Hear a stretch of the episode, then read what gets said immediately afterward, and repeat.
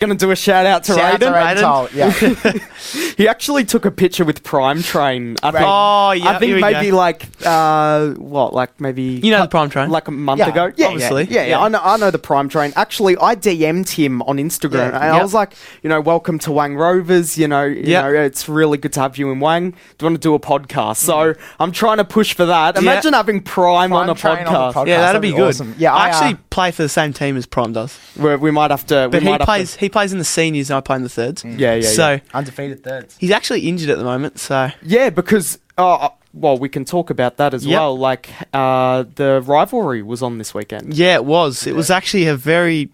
Um, it wasn't a real good ending.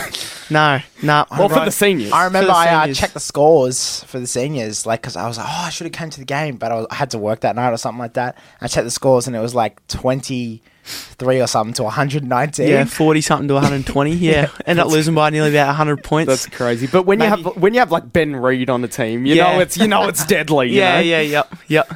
Yeah, and then they have like Callum Moore. You know Callum Moore. yeah, yeah. He used to play for Richmond. Yeah, he's been playing some good footy too lately. So talking about the opposition at the moment, that's all right. Um, but Prime Train, Yeah. So he played round one against them in Right. the derby. They won uh, Ah, by two points.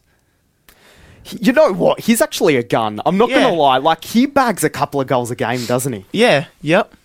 Well, you um, oh, I don't really want to like talk about like his personal life or anything, but you um, like served him at, yeah. the, at the gateway. So I work at the Gateway um, in town, and uh, Wendy Lester, the owner of the Gateway, she um, Shout out to Wendy too. Shout out to Wendy. she uh, she's the president of Rovers Football Club.